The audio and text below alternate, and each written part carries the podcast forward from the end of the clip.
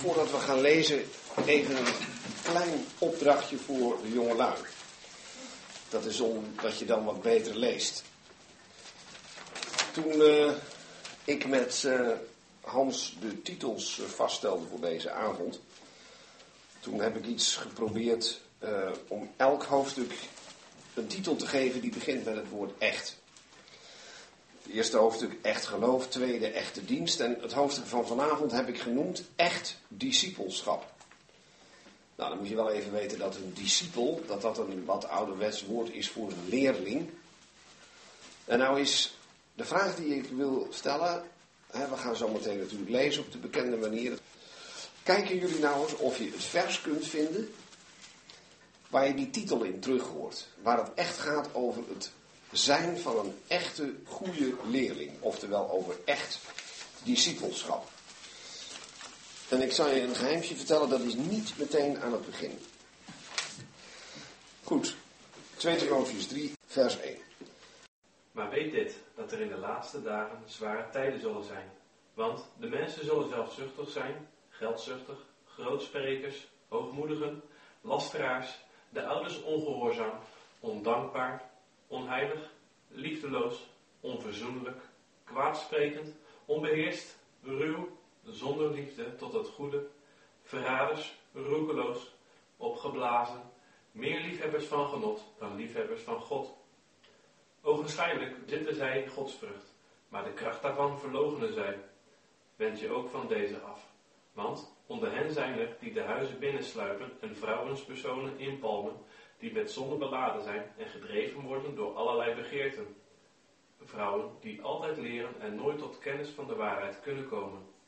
Zoals nu Jannes en Jambres zich tegen Mozes hebben verzet, zo verzetten ook deze zich tegen de waarheid. Mensen, bedorven van denken, verwerpelijk wat het geloof betreft. Maar zij zullen niet verder voortgaan, want hun onzinnigheid zal aan allen geheel duidelijk worden, zoals ook bij die beiden het geval was. Maar jij hebt nauwkeurig nagevolgd mijn leer, mijn wijze van doen, mijn bedoeling, mijn geloof, mijn langmoedigheid, mijn liefde, mijn volharding, mijn vervolgingen, mijn lijden, zoals mij is overkomen in Antiochië, Iconium, in Lystra, zulke vervolgingen als ik heb verdragen, en uit alle heeft de Heer mij gered. En ook allen die godvruchtig willen leven in Christus Jezus zullen vervolgd worden. Maar boze mensen en bedriegers zullen van kwaad tot erger voortgaan, terwijl zij misleiden en misleid worden. Maar jij blijft in wat je geleerd hebt en waarvan je volkomen overtuigd bent, daar je weet van wie je het hebt geleerd. En omdat je van jongs af de heilige geschriften kent, die je wijs kunnen maken tot behoudenis door het geloof dat in Christus Jezus is. Alle schrift is door God ingegeven en nuttig om te leren, te weerleggen, te verbeteren en te onderwijzen in de gerechtigheid, opdat de mens Gods volkomen is, tot alle goed werk ten volle toegerust. Nou, dan ben ik benieuwd. Hebben jullie het vers gevonden waarop ik mijn titel heb gebaseerd? Want ik moet wel toegeven, ook het woord leerling staat er niet. Maar er staat wel iets over iemand die dat heeft proberen te zijn. Vers 10, even kijken, dat lijkt me een heel goed idee. Want daar lezen we namelijk, maar jij hebt nauwkeurig nagevolgd mijn leer. En dat betekent eigenlijk, althans dat kan het zijn, daar zullen we het straks nog over hebben, mijn onderwijs. Nou, iemand die dat doet, is een leerling, een discipel.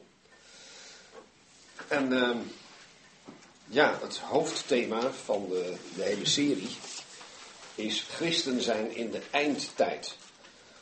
Jullie begrijpen ook dat ik, wat het woord eindtijd betreft, daarop vooral gekomen ben door dit hoofdstuk, het derde hoofdstuk van 2 Timotheus.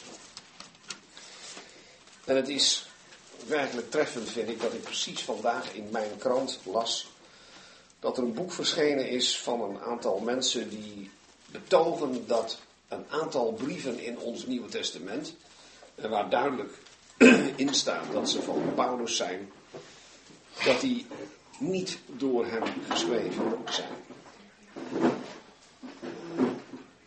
En ja, dat is natuurlijk op de, aan de ene kant heel triest, hoewel zulke mensen er dan wel weer ruimte voor laten dat ze toch in de Bijbel mogen blijven staan. Nou, fijn dat ze dat goed vinden in ieder geval. Maar er is natuurlijk maar één die er baat bij heeft om onderwijs over de eindtijd een klein beetje op losse schroeven te zetten.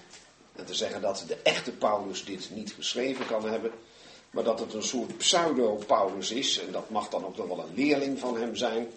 Als het maar niet gewoon de apostel Paulus is, want men ziet dan tegenstrijdigheden met andere geschriften van hem. Nou, daar is geen enkele reden voor. Uh, niets in deze brief is in strijd met andere geschriften van Paulus.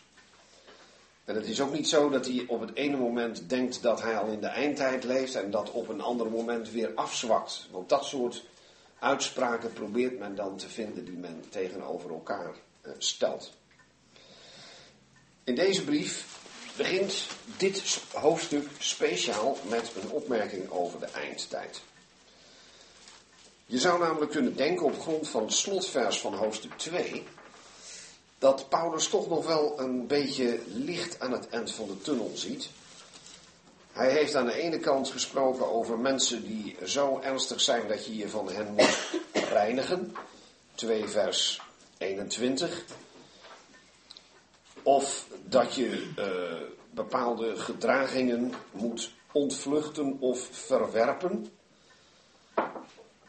Maar zelfs van tegenstanders schrijft Paulus aan het eind van hoofdstuk 2 dat ze nog tot inkeer kunnen komen. Dat het zover kan zijn dat God ze bekering geeft, vers 25, om de waarheid te erkennen en weer ontnuchterd te worden. Nou, het zou kunnen zijn dat Paulus gedacht heeft van ja, ik heb dat nou net geschreven en dat klopt ook. Maar Timotheus moet niet denken dat dat de standaard uitkomst is van alle tegenstanders dat ze allemaal weer ontnuchterd zullen worden en de waarheid zullen gaan kennen. Want de totale trend zal een andere zijn. En daarom begint, denk ik, hoofdstuk 3 met het woordje maar. Maar weet dit, schrijft Paulus aan Timotheus, dat er in de laatste dagen zware tijden zullen zijn. Want de mensen zullen zijn, en dan komt daar die hele opsomming van uh, kenmerken. En eh, zonder nu er met een noodgang doorheen te gaan, wil ik eerst toch even wijzen op het feit dat als die kenmerken genoemd zijn, Paulus zegt die tijden zullen zwaar zijn, want de mensen zullen zijn, zelfzuchtig, geldzuchtig enzovoort. En dan staat er in vers 5 niet, ogenschijnlijk zullen zij godsvrucht bezitten, maar de kracht daarvan zullen zij verlogenen. Nee, ogenschijnlijk bezitten zij godsvrucht, maar de kracht daarvan verlogenen zij. Wend je ook van deze af. En dat is op zich merkwaardig. Aan de ene kant wordt gezegd dat er iets in de laatste dagen zal gaan gebeuren. En dan zou je kunnen denken, nou dat ligt dan nog in de toekomst. Paulus geeft ook kenmerken van mensen die in die tijd zullen leven, maar even later spreekt hij er in de tegenwoordige tijd over. Met andere woorden, de apostel laat zien dat die zware tijden eigenlijk al hun uh, kenmerken vertonen in de tijd van Timotheus en Paulus zelf. Dus al helemaal in die van ons. En Paulus is niet de enige apostel die op die manier schrijft over die eindtijd. Namelijk ook in de tegenwoordige, naast de toekomende tijd. We vinden het bijvoorbeeld ook bij Petrus. Dat wil ik toch even erbij lezen. In 2 Petrus hoofdstuk 3.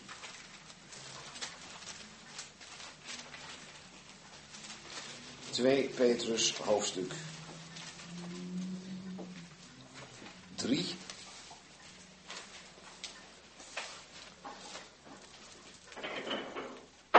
Dan staat er in vers 3, 2 Petrus 3, vers 3. Weet dit eerst. Dat er in het laatst van de dagen spotters met spotternij zullen komen. Dus toekomende tijd. Die naar hun eigen begeerte wandelen en zeggen: Waar is de belofte van zijn komst? Want sinds de vaderen zijn ontslapen, blijft alles zo als van het begin van de schepping. En dan komt het vers 5. Want niet moedwillig zal hun dit onbekend zijn, maar moedwillig is hun dit onbekend.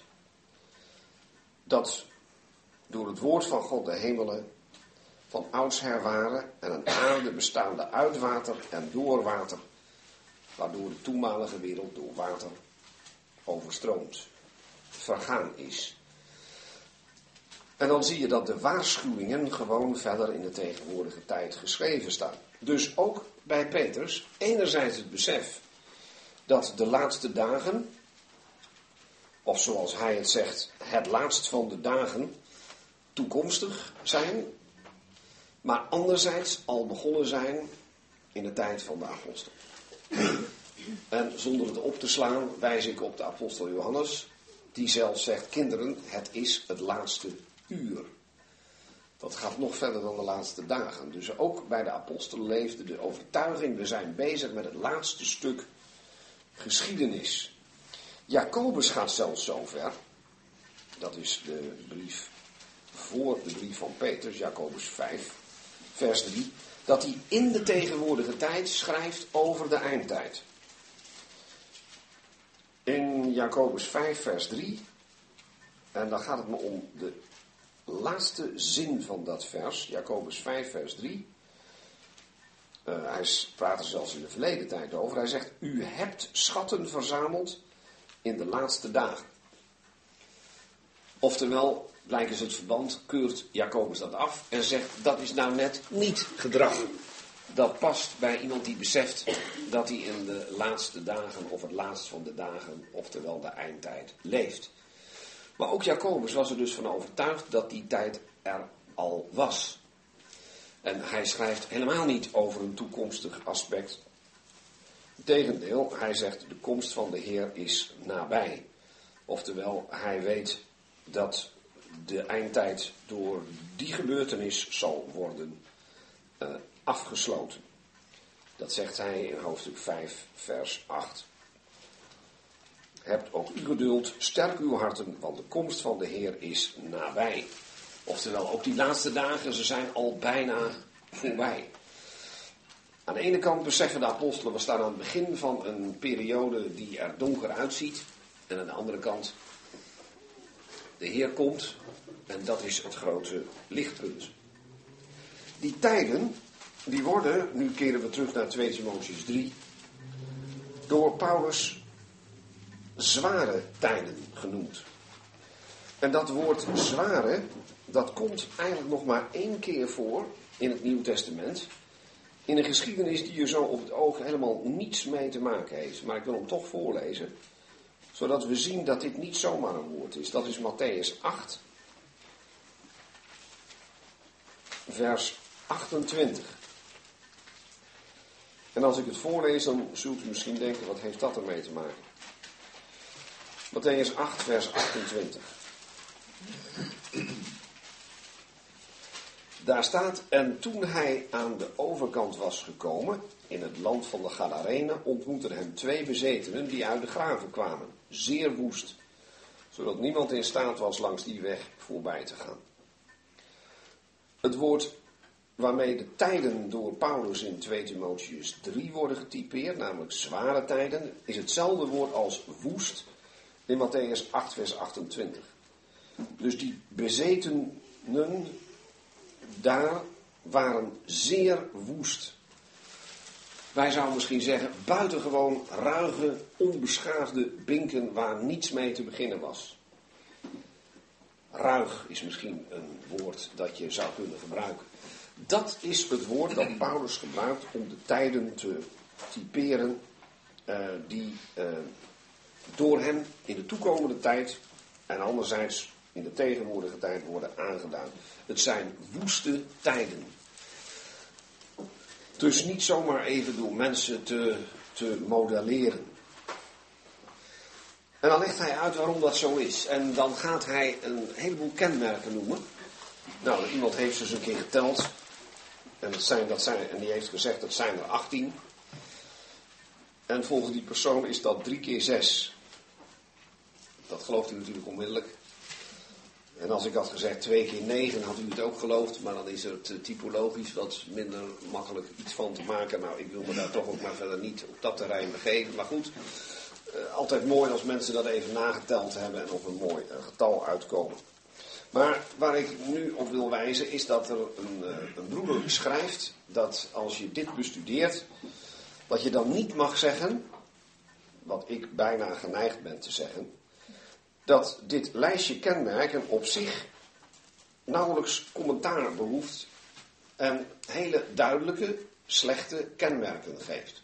Want, schrijft die broeder, het heeft de Heilige Geest behaagd Paulus al die typeringen afzonderlijk te laten neerschrijven, dan moet je ook bij al die typeringen afzonderlijk stilstaan. Nou, daar zat ik even mee, want dat was ik namelijk nog niet van plan om ze allemaal één voor één te bespreken. Maar ja, toen dacht ik, misschien bedoelde die broeder wel, als je nou er een commentaar opschrijft, of een bijbelstudie van een hele dag mag verzorgen, ja, dan kun je stuk voor stuk alle kenmerken langsgaan. Um, maar of dat ook nu moet, dat vraag ik me af. Ik pik er wel een paar uit. En ik wijs op iets heel verdrietigs, voordat ik ze allemaal neem. Er is namelijk nog een hoofdstuk in de schrift waar je een soortgelijk lijstje hebt. En dat lijstje, dat staat in het begin van de brief aan de Romeinen. Namelijk aan het eind van hoofdstuk 1. Dat lijstje is iets korter. Uh, Romeinen 1.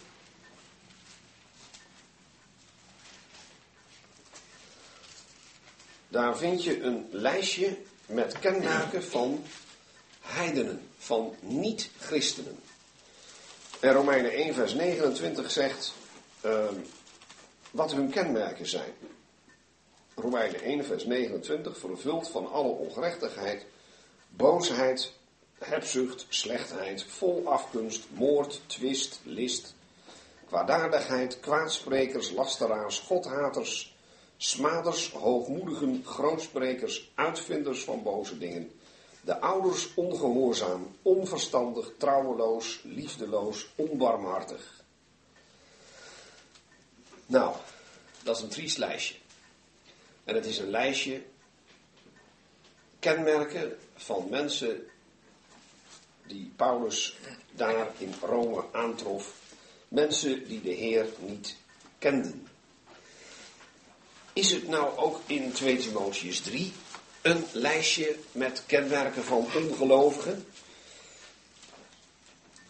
Die in de laatste dagen nog meer laten zien hoe ongelovig ze zijn dan het in het verleden het geval was? Nee. Want als we in 2 Timotheus 3 even kijken wat Paulus zegt als zijn lijstje klaar is, dan staat er in 2 Timotheus 3, vers 5 iets heel schokkends. Ogenschijnlijk bezitten ze godsvrucht. Sommige vertalingen zeggen, ze hebben een schijn van godsvrucht. Het lijkt allemaal best wel christelijk en vroom. Maar staat er dan in vers 5, maar de kracht daarvan, van die godsvrucht, verlogeren zij. Oftewel, ze bevinden zich, zoals ze dan uh, dat zeggen met taal van 2 Timotheus 2, in het grote huis, op het terrein van het christendom, want ze houden een schijn van vroomheid omhoog. Ze willen graag christelijk gevonden worden. Maar Paulus zegt, de kracht daarvan verlogenen zij. Nou, dat brengt ons tot een hele trieste conclusie, namelijk dat Paulus zegt, als ik het in mijn eigen woorden mag samenvatten, de kenmerken van veel mensen in de eindtijd die zich wel christelijk noemen, maar het niet zijn, is hetzelfde, dat zijn dezelfde kenmerken als die van het heidendom, zoals we dat in de brief aan de Romeinen zien. En daarom is het lijstje, hoewel het uh, gelukkig gevolgd wordt door een heleboel andere dingen, in 2 Timotheus 3 toch een heel triest lijstje. Oftewel, laten we niet denken dat het christendom er alleen maar beter en mooier uh, gaat uitzien. Nee, Paulus zegt, heel triest, Timotheus, let maar goed op het voorbeeld dat je gehad hebt, het onderwijs dat je gehad hebt, want je komt terecht in een christenheid met kenmerken die zo ernstig zijn dat ze wel heidens lijken. Nou, met dat in gedachten wil ik toch een paar dingen uit dat lijstje doorgaan. En laten we ons dan realiseren dus dat Paulus zegt dat die kenmerken gevonden worden bij de christenheid. En dan zouden we ons gelijk kunnen afvragen, bij die kenmerken hebben wij er dan geen last van. De eerste die Paulus noemt, als die de mensen typeert, en die mensen dat blijken dus de naam christenen te zijn, die zullen zelfzuchtig zijn. Eigenlijk staat er zelflievend. En geldzuchtig. Of zoals er letterlijk staat, geldlievend. Nou, misschien dat wij ook een beetje ongemakkelijk gaan schuifelen. Want wij leven in een tijd van welvaart. En dat betekent dat de kans dat wij geldzuchtig zijn er gewoon best is. Het staat wel in onze Bijbel. Niet alleen dat Timotheus vanuit zijn schuttersputje om zich heen kijkend een tekening krijgt van hoe slecht de mensen om hem heen zijn. Het is ook goed te zien dat dit eigenschappen zijn van mensen op christelijk erf, waarvan Paulus zegt, die eigenschappen horen daar niet thuis. En dan kunnen wij ook dat in onze zak steken en ons afvragen, hebben wij niet misschien ook af en toe, en misschien wel wat meer dan af en toe, last van dat we geldzuchtig zijn, of ook zelfzuchtig. We gooien onszelf niet zomaar weg. Nou, dan worden er een paar dingen genoemd die heel duidelijk zijn. Grootsprekers, hoogmoedigen. Ik heb wel eens verteld dat ze in Limburg een prachtig woord hebben voor hoogmoedig zijn. Iemand die hoogmoedig is, dan zeggen ze in het Limburgs, en ik zeg het nu met mijn gewone Nederlandse uitspraak. Uh, zo iemand die meent zich te veel. Nou, dat is perfect gezegd wat er aan de hand is met iemand die je hoogmoedig vindt. Jij meent je te veel, hoe je jongetjes tegen elkaar zeggen, ook op straat. Nou, dat, dat doen wij. En uh, dat risico lopen we. Uh, hopelijk oordelen we het bij onszelf als we dat ontdekken. Want Paulus zegt, als je erdoor gekenmerkt wordt, dat is foute boel. En dat is een kenmerk dat dus bij echte gelovigen niet thuis hoort jezelf te veel menen. Dat doe je als je een grootspreker bent of hoogmoedig. ja, zelfs lasteraars. En dat is niet lasteren in de zin van lelijke dingen van een mens zeggen, maar van God. Dus dit is echt Gods lastering wat hier plaatsvindt. Oneerbiedig spreken over God. Komt dat voor op christelijk erf? Ja, dat kan. Er zijn mensen die vloeken niet zo erg vinden die het noemen van de naam van de Heer, ook als het helemaal niet nodig is, gewoon rustig doen. En uh, ja, zomaar zeggen, oh my god, zoals je zoveel mensen om je heen hoort zeggen, ik tenminste wel. Ik werk op een openbare school, dat is bijna een stopwoord voor veel jongeren, maar ook voor ouderen. Als ze iets schokkends meemaken, dan wordt de naam van de Heer, van de Heere God, genoemd die mensen doen dat natuurlijk niet bewust om te lasteren. Misschien dat dat ook kan voorkomen, dat is het des te erger. Maar Paulus zegt wel, dat is één van de kenmerken. Nou, als er op christelijk erf mensen het lef hebben om te lasteren, dan is dat een hele ernstige zaak. Nog iets, de ouders ongehoorzaam. Dat hoort dus eigenlijk bij heidenen. We hebben het ook letterlijk teruggelezen in Romeinen 1. Paulus zegt eigenlijk van ongelovig is het eigenlijk normaal dat ze hun ouders ongehoorzaam zijn.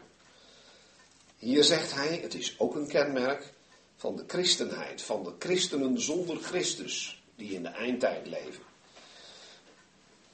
Het is alsof Timotheus iets moet weten met het oog op wat we in dat vorige hoofdstuk gelezen hebben, die twee kanten van dat zegel.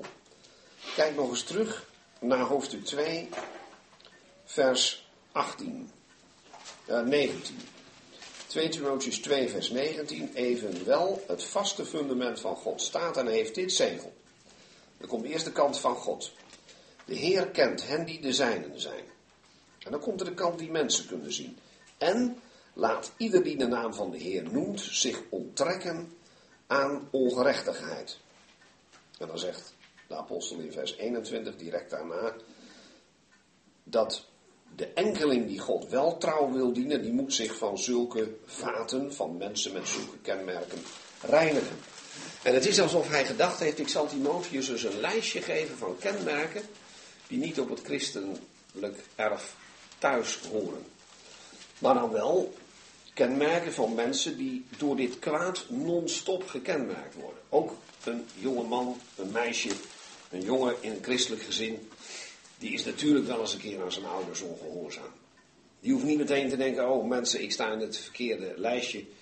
Ik hoor er zeker niet bij. Alleen als het goed is, weten wij, wisten wij, toen wij nog onze ouders moesten gehoorzamen, echt wel uh, wanneer we die fout uh, begingen. Dan voelde je dat in je keel kloppen.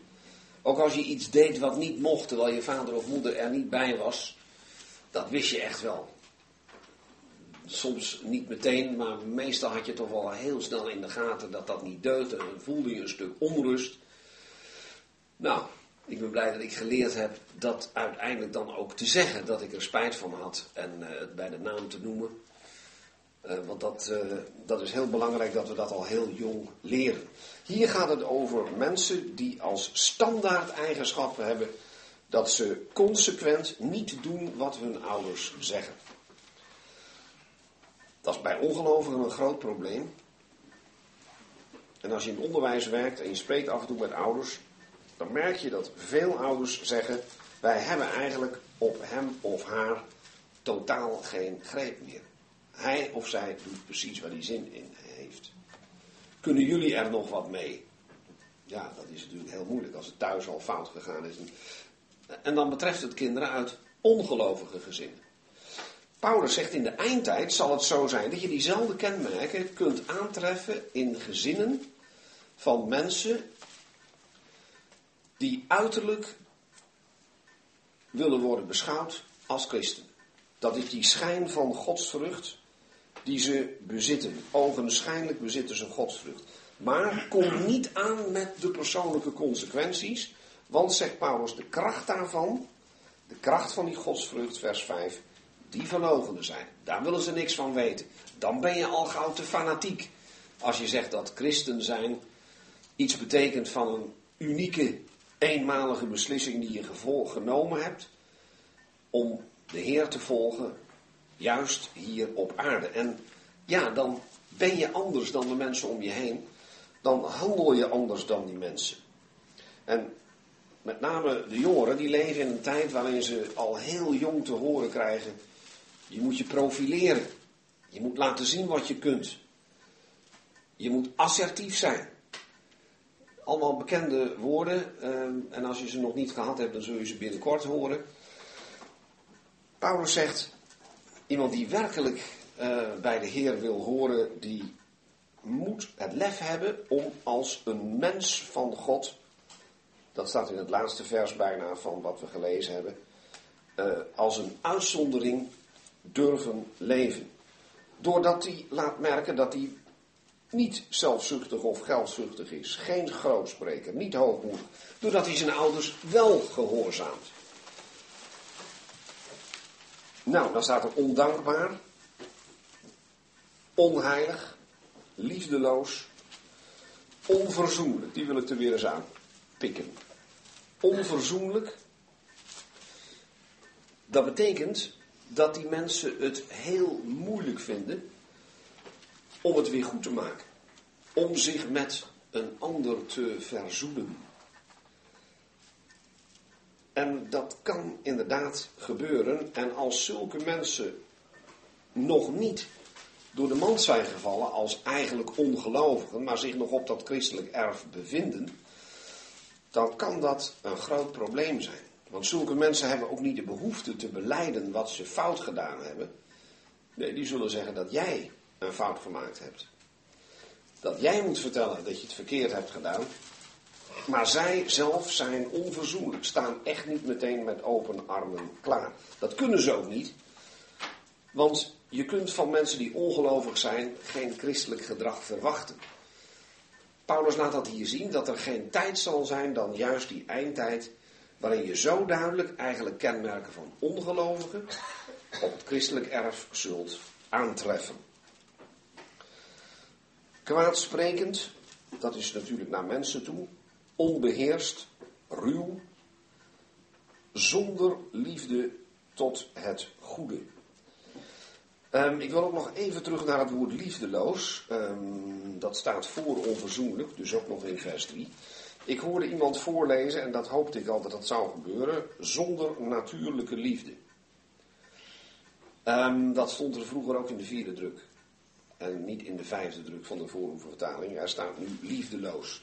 De reden waarom wij dat veranderd hebben, is niet omdat die vertaling fout is, zonder natuurlijke liefde, maar omdat hij misschien de verkeerde kant uitstuurt. Het heeft niets te maken met tegennatuurlijke of natuurlijke liefde, met seksualiteit of met homoseksualiteit. Daar heeft het woord niets mee te maken. Daarover gaat het hier niet. Liefdeloos betekent eigenlijk zonder affectie. En er zijn helaas af en toe uh, gezinnen waarvan je het idee hebt, wat is men eigenlijk kil naar elkaar toe? Affectieloze gezinnen zonder één aanraking of knuffel. Um, ik zeg niet dat dit woord dat helemaal 100% dekt, maar het gaat gewoon om liefde die je zou verwachten en die er niet is. Tussen familieleden, tussen kinderen onderling, tussen ouders en kinderen. Uh, als dat ontbreekt, zegt de apostel, dan ben je liefdeloos. Dan is datgene wat eigenlijk heel natuurlijk is, in die zin wil ik het woord best gebruiken, voor de hand ligt, dat wordt niet gevonden. Het is een kilheid. Nou zegt de schrift ook op een andere plek dat in de eindtijd de liefde van velen zal verkoelen. Nou, misschien dat je daaraan kunt denken bij dit uh, woord. Dan ga ik naar vers 4. Meer liefhebbers van genot dan liefhebbers van God. Ja, wie heeft er nou een hekel aan genot? Niemand, denk ik.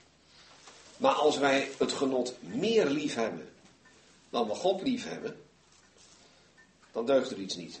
Hier gaat het over, ik herhaal het nog een keer, ongelovigen op christelijk erf die door dit gedrag, als we het onderscheiden tenminste, door de mand vallen. Als iemand alleen nog maar kan praten over zijn dertiende maand, of over de mooie vakantie die hij daarmee kan boeken, of de hogere hypotheek die hij kan afsluiten, of allerlei andere dingen die hij zichzelf zo van harte gunt. Ja. En je hoort zo iemand niet over God of godsvrucht, over een heilig, een aan God toegewijd leven. Ja, dat kan ook niet, want zo iemand heeft dat niet. Maar hier blijkt het ook in het praktisch gedrag. Ja, dan is zo iemand op de verkeerde plek. Hij bevindt zich op een terrein waar hij eigenlijk niets te zoeken heeft. Meer liefhebbers van genot dan liefhebbers van God. En wij leven in een tijd waarin het accent heel erg sterk ligt op genot, zeker in de wereld. En dat valt me ook wel eens op. Als je eens een keer in de trein zit of op een andere plek waar je andere mensen kunt gadeslaan. Sommige mensen zijn werkelijk non-stop bezig met hun kleine lichamelijke behoeftetjes. Er komt weer een slokje uit een flesje, een hapje uit het tasje, er komt weer een klein likje over de lippen. Er wordt voortdurend in de meest kleine dingetjes even weer een accentje gelegd op datgene waar men wel soms heel erg lang mee bezig is. Nou is dat misschien onbenullig in jullie ogen, maar goed, mij valt het dan op. Dan denk ik, goeiedag zeg, dat moet toch allemaal goed voorbereid zijn, dat dat allemaal in dat tasje zit en er op tijd weer in en uit komt. De boel wordt weer bijgekleurd, opgestuft. Maar goed, um, dit gaat natuurlijk uiteindelijk verder. En als mensen meer te besteden hebben, dan is er het risico dat die, eh, dat, dat genot steeds grotere vormen aanneemt. En dat hoeven niet altijd in zichzelf zondige handelingen te zijn die men verricht. Maar als die handelingen, die ambities die men heeft, in plaats komen, de plaats innemen van God, dan deugt er iets niet. En Paulus heeft dit voor het laatst bewaard. Eigenlijk zet hij een soort accolade, zo lees ik het tenminste, achter het hele voorafgaande stuk. En hij zegt, wat is nou eigenlijk de clue? Het accent ligt verkeerd. Meer liefhebbers van genot dan liefhebbers van God. En trieste vers 5 heb ik al gezegd. Ogenschijnlijk, Paulus heeft het heel mooi opgebouwd. Die bewaart het spannendste voor het laatst. Ik heb het eigenlijk helemaal verkeerd gedaan. Maar ik heb het gedaan met de bedoeling dat we het tegen deze achtergrond zouden lezen. Maar Paulus die heeft Timotheus natuurlijk niet gezegd. Timotheus lees nou eerst even vers 5. En ga dan terug naar al die kenmerken. Dan had hij net zo goed de boel in een andere volgorde kunnen zetten. Voor Timotheus zal dit mogelijk als een schok zijn gekomen. Als Timotheus de Romeinenbrief gekend heeft en hij heeft Paulus onderwijs gehoord, gelezen, dan zal hij misschien even gedacht hebben die laatste dagen, nou jongen, jongen, wat een toestand zeg, wat zullen de mensen er beroerd aan toe zijn? En hij zal met zijn vinger, als het ware zo ziek hem gedachten, langs die boekrol gegaan zijn en al die begrippen hoofdschuddend gelezen hebben. En dan zie ik hem als het ware even rechtop gaan zitten bij vers 5. Van hoe bestaat het? Die mensen die zijn niet mensen uit het barre heidendom. Romeinen die afgoden dienen. Nee, ze houden vast aan iets wat lijkt op christendom. Ze bezitten ogenschijnlijk vroomheid, want dat betekent godsvrucht. Maar praat niet over de kracht daarvan. Over de consequenties daarvan. Over de keuzes die je daardoor maakt in je leven. Want daar moeten ze niets van hebben. De kracht daarvan verlogenen zijn. En dan even een klein detail uit vers 5. Dan zegt Paulus, wend je ook van deze af. Er zijn mensen die vertalen niet ook, maar en. En die vertalen en wend je van deze af. De vraag is, wat wordt daar dan mee bedoeld? Nou zeggen sommige taalkundigen, dat is heel simpel. Het woordje en verbindt gelijkwaardige taalkundige uh, woorden. Dus je moet gewoon even terug naar de laatste gebiedende wijze en je hebt hem. En ja hoor, dan kom je in vers 1. Maar weet dit. Oftewel, eerste opdracht, dit moet je weten. Tweede opdracht, dit moet je doen. Wend je van deze af.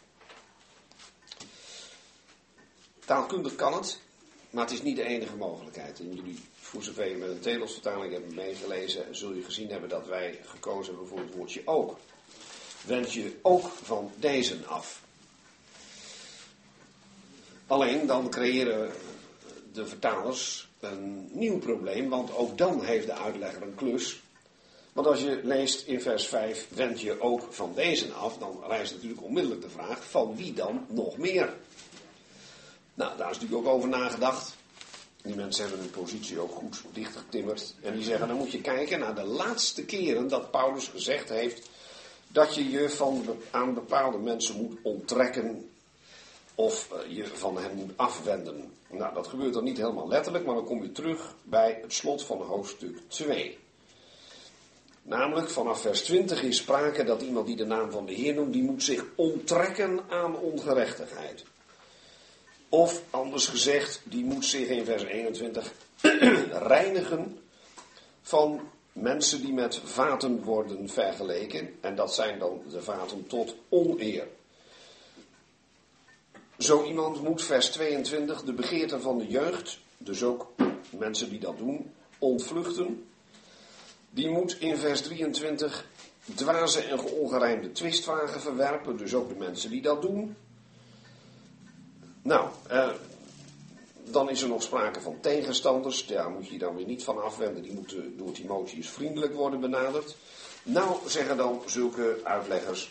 In dat geval betekent het dat Timotheus te horen krijgt. Jij dacht nou dat je klaar was. Ik zal het hele verhaal verhelderen. Ook van de mensen die aan de kenmerken voldoen die net beschreven zijn in de versen 1 tot en met 5, moet Timotheus zich afwenden. Nou, ik zou niet durven zeggen dat één van die twee uitleggingen volstrekt onzin is en de andere de enig juiste. Uh, dat gaat me te ver. Het is, er is aan beide een goede zin te geven. Beide zijn niet 100% duidelijk uit de samenhang af te leiden. Het makkelijkste was nog de keuze, heb ik gezien, van de vierde druk van de vorige vertaling. Die vertaalde geen ook en geen en. Die vertalen gewoon, wend je van deze af. Punt. Maar ja, kan ook niet altijd. Er staat er echt een woordje bij. Dat consequenties heeft voor de uitleg, maar niet zo dat je meteen in de dwaalleer schiet als je de andere optie kiest. Bovendien zou ik dan ook niet weten welke van die twee je moet kiezen. Want de andere is best te verdedigen. Ik heb een lichte voorkeur voor ook. Ehm, omdat ik de gedachte dat het woordje en op één lijn staat, of uh, het woordje weet dit op één lijn stelt met wend je af, uh, vind ik wat, uh, vind ik niet overtuigend, laat ik het zo zeggen. Maar dat is mijn persoonlijke voorkeur. Ehm, soms denk ik misschien wat kinderlijk over hoe het in de toekomst in de heerlijkheid zal gaan. Maar ieder van jullie heeft wel eens af en toe een tekst waarvan hij denkt, ik zou toch wel eens echt helemaal zeker willen weten hoe de apostel die bedoeld heeft. Nou, een van die teksten mijn lijstje is deze. Ik weet niet wanneer we ooit uh, in het vaderhuis zijn, of we dan met één klik dat onmiddellijk allemaal weten. Of dat we dan nog vragen kunnen stellen en Paulus uh, daarvoor beschikbaar is. Misschien stel ik het me allemaal te menselijk voor. Maar ik zou het graag willen weten. En ik weet zeker, ik zal het ook een keer weten. Maar hoe dat exact zal gaan, dat weet ik niet. En het is natuurlijk niet het grootste probleem. Er zijn wel moeilijker uitspraken in uh, het Nieuwe Testament. Daar komt er al eentje. In uh, vers 6. Want die mensen van wie Timotheus zich moet afwenden, daar wordt iets heel vreemds van gezegd, van lui die zich binnen dat gezelschap bevinden. Vers 6. Want onder hen zijn er die de huizen binnensluipen en, en dan staat er in veel vertalingen, vrouwtjes inpalmen, die met zonde beladen zijn en gedreven worden door allerlei begeerten. Die altijd leren en nooit tot kennis van de waarheid kunnen komen. En die worden dan vergeleken met mensen die zich tegen de Heer verzetten, zoals vroeger mensen zich tegen Mozes verzetten. Ja, vrouwtjes. Ik moet eerlijk bekennen, dat werkte vroeger op mijn lachspieren als ik dat zo las.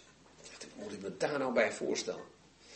Totdat ik me realiseerde dat in, uh, niet in elke taal het verkleinwoord dezelfde waarde heeft. Een verkleinwoord kan uh, liefkozend, bedoeld zijn, maar ook minachtend. En uh, dat is het hier. Sommige Engelse vertalingen kiezen, hier voor de vertaling silly women. Maar als je dat letterlijk gaat vertalen, dan ja, verzin je er een woord bij. Uh, wij hebben gezocht naar een woord, wij bedoel ik dan de broeders die de Telos-vertaling hebben gemaakt, met een woord dat wel één geheel was waar we dat minachtende in konden uitdrukken. En wij beloofden elkaar toen dat we in een voetnoot zouden zetten wat er letterlijk staat. Dus wij hebben gekozen voor vrouwspersonen. We willen ze helemaal niet kleineren. Uh, maar er zit wel een, een gedachte in van, uh, er is iets mee. Uh, je kunt ze niet serieus nemen. En in de voetnoot hebben we verteld dat daar eigenlijk een laatdunkend verkleinwoord staat. Het is dus een poging om het te doen uh, wij hadden het idee, als je het woord vrouwtjes laat staan, heb je kans dat men toch de verkeerde kant uit gaat. Want het gaat dus om de mensen die de kracht van de godsvrucht verlogenen en die verkeerde kenmerken hebben. Wat doen die? Die proberen individuele mensen voor zich te winnen. En die richten zich vooral op dit type vrouwen. En die worden beschreven als, nou, uh, niet, uh, er wordt niet met veel respect over gesproken, vandaar vrouwspersonen. Ze zijn bovendien uh, met zonden beladen en daar hebben ze zich kennelijk ook niet van gedistanceerd. Oftewel, uh, ze hebben een verkeerde, een, een verkeerde wandel. Ze worden gedreven door allerlei begeerten. En staat er dan in vers 7, ze zijn altijd aan het leren, en dat betekent hier het leren van een, uh, van een leerling. Je zou kunnen zeggen, dit zijn de verkeerde soort discipelen. Die zijn altijd maar, die lopen de ene bijeenkomst af na de andere waar ze weer uh, vol bewondering naar de spreker zitten te kijken. Maar met wat ze leren doen ze helemaal niks. Ze komen, vers 7, nooit tot kennis van de waarheid. En dat is wel wat uh, de bedoeling is. Oftewel, ze volgen een heleboel onderwijs, maar dat heeft totaal geen effect, geen rendement zoals dat tegenwoordig heet. Ze komen nooit tot kennis van de waarheid. Sterker nog, zegt Paulus, ze verzetten zich. En dan vergelijkt hij ze met twee mensen, uh, ja, die wij in het boek Exodus uh, actief zien. De tovenaars die zich tegen Mozes verzetten. Alleen die namen staan niet in het Oude Testament. Wel in de Joodse traditie. En Paulus veronderstelt duidelijk dat Timotheus met die traditie op de hoogte is. En hij noemt gewoon hun namen en legt echt niet even uit wie dat waren. Nou, we weten, de tovenaars verzetten zich tegen uh, Mozes. Die dachten dat ze, als de farao ze geroepen had, dezelfde dingen konden doen die Mozes deed. Bijvoorbeeld met zijn staf. En de Nijl in bloed veranderen en dergelijke. Maar hun vermogens zijn beperkt. Wat ze niet konden was leven geven. Want als dat gebeurt, dan zeggen ze, dit is Gods vinger. Met andere woorden, hier staan wij buiten. Hier is een andere macht bezig. Maar wat zij deden was zich tegen Mozes keren. De bedoeling was namelijk dat zij konden, uh, dat ze zouden kunnen zeggen, kijk eens, wat Mozes kan was niks bijzonders, dat kunnen wij ook. En dan zou de kracht van de tekenen die Mozes deed, die zou helemaal weggaan. Nou zegt Paulus, deze uh, mensen die uh, dit soort vrouwen inpalmen, dat zijn eigenlijk mensen die zijn helemaal verkeerd bezig. Die verzetten zich tegen de waarheid. En die vrouwen die voortdurend naar hen luisteren, ja, logisch dat die nooit tot kennis van de waarheid komen, want die mensen die met hen bezig zijn, die keren zich juist tegen de waarheid. Die zijn, vers 8, bedorven van denken, verwerpelijk wat het geloof betreft. Maar, zegt Paulus, daar komt een eind aan. Ze zullen niet verder voortgaan, want hun onzinnigheid zal aan allen geheel duidelijk worden. Zoals ook bij die beiden, Jannes en Jambres, het geval was. En nou, genoeg negatiefs zal Paulus gedacht hebben. Nu ga ik Timotheus laten horen uh, dat hij een hele gelukkige uitzondering is. En ook hoe dat komt. En het is niet zo dat hier nu even door Paulus zo'n rapport wordt gegeven aan Timotheus. Met allemaal negens. Nee, hier wordt duidelijk dat Timotheus iemand is die in de eindtijd een uitzondering zal zijn. Omdat hij zich op een hele andere persoon richt. En daarbij, bij die vorming van Timotheus, heeft Paulus een bijzondere rol gespeeld. Want er wordt opnieuw onderwijs aan de orde gesteld. Maar dan niet droog gekookt, zoals die verkeerde leraren die zich bovendien op de verkeerde personen richten, namelijk op zondige mensen. En over bekering werd niet gepraat. Nee, hier zien we iemand die een leermeester heeft die niet alleen dingen heeft gezegd, maar ook dingen heeft gedaan. Kijk maar, vers 10. Maar jij, Timotheus, hij zegt niet maar jullie, Timotheus en, en vrienden, nee, dit is echt heel persoonlijk. Jij hebt nauwkeurig nagevolgd mijn leer. Dat kan betekenen mijn onderwijs. Maar ook de inhoud van dat onderwijs. Dus de manier van onderwijzen, maar ook de inhoud van dat onderwijs. Dat heb jij nauwkeurig nagevolgd. Er staat niet uit je hoofd geleerd. Of jij bent geslaagd voor het tentamen dat over mijn leer ging. Nee, hij heeft het nauwkeurig nagevolgd. En dat is dan verbonden met mijn wijze van doen, oftewel Paulus' praktijk. Die was daar namelijk rechtstreeks mee in verband en was er niet mee in strijd. Mijn bedoeling, mijn geloof, mijn langmoedigheid, mijn liefde, mijn volharding, mijn vervolgingen, mijn lijden. Om even die laatste twee dingen te noemen. Paulus heeft laten zien dat als je zijn onderwijs in praktijk brengt, dat het kan betekenen dat je op weerstand staat. Dat je moet lijden, dat je vervolgd wordt. En hij noemt voorbeelden van steden waar dat is gebeurd. En zegt hij er dan bij, niet van, en kijk mij eens, uh, de grote Paulus, ik heb mij daar netjes doorheen geslagen, want ik ben een sterke persoonlijkheid. Nee hoor. Aan het eind van vers 11 staat, uit alle heeft de Heer mij gered. Hij heeft een heleboel keer mijn gezegd. En dan zou je nog even kunnen denken: Paulus, geef je jezelf nou niet een beetje toch af en toe te veel schouderklopjes? Nee. Dat had allemaal te maken met degene voor wie hij leefde. En die hem ook uit al die vervolgingen heeft gered. En dan laat hij merken dat hij niet op zichzelf staat. Allen die godvruchtig willen leven, kijk daar hebben we het weer, godsvrucht. In vers 5 was sprake van mensen die ogenschijnlijk een schijn van godsvrucht bezaten, maar die de kracht daarvan verloochenen. En Paulus die zegt dan niet, maar ik ben iemand die echt godsvrucht heb en de kracht daarvan voluit heb ervaren. Daar komt het wel op neer, maar hij zegt het veel mooier. Hij zegt het namelijk dat het ook niet alleen voor hem geldt. Hij zegt in vers 11 eerst, de Heer is heel persoonlijk met mij bezig geweest. En met mijn dienst voor de Heer. Maar in vers 11 staat, en ook allen die godvruchtig willen leven in Christus, dus niet alleen Paulus, maar ook Timotheus, ook alle anderen die dit lezen en die dit willen, ja, die zullen vervolgd worden, omdat echt godvruchtig leven iets in de praktijk laat zien. En inderdaad, dat kan tot vervolging leiden, niet altijd op dezelfde manier, maar je zult opvallen en op weerstand stuiten.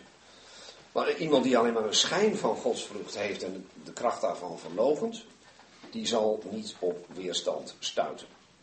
Die vallen onder de categorie vers 13 boze mensen en bedriegers. Dat is onecht.